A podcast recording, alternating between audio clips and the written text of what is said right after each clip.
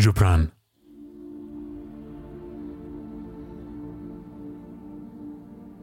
لقد كتبت كل هذه الصفحات ضاحكة لأتحايد كلمة الحب.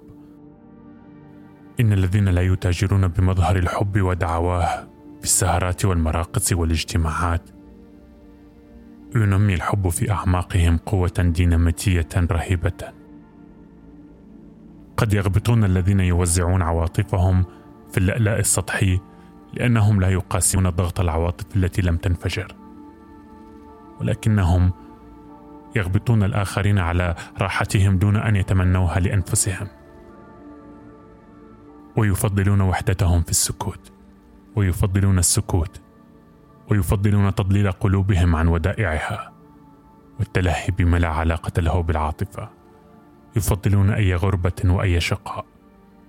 وهل من شقاء وغربة في غير وحدة القلب؟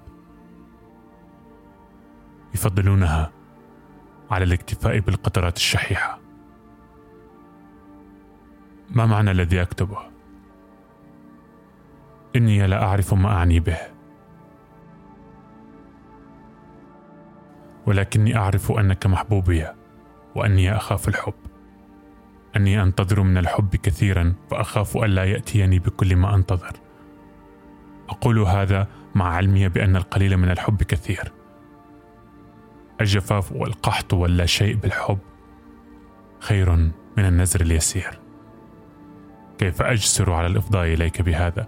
وكيف أفرط فيه؟ لا أدري. الحمد لله أنني أكتبه على الورق ولا أتلفظ به لأنك لو كنت حاضرا بالجسد لهربت خجلا بعد هذا الكلام. ولاختفيت زمنا طويلا. فما ادعك تراني إلا بعد أن تنسى. حتى الكتابة ألوم نفسي عليها أحيانا لأني بها حرة كل هذه الحرية.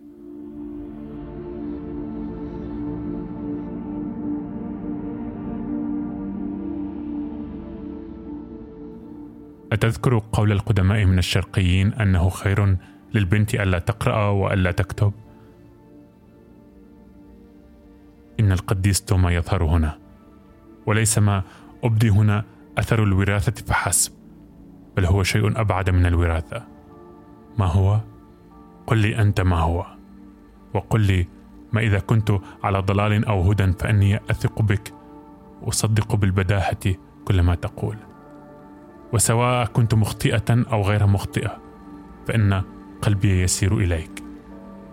وخير ما يفعل هو أن يظل حائما حواليك يحرسك ويحنو عليك.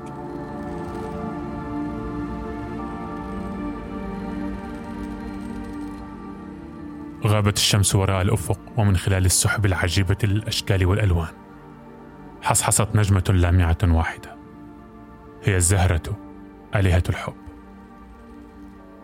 اترى يسكنها كأرضنا بشر يحبون ويتشوقون؟ أترى يسكنها كأرضنا بشر يحبون ويتشوقون؟ ربما وجد فيها من هي مثلي. لها واحد جبران حلو بعيد هو القريب القريب.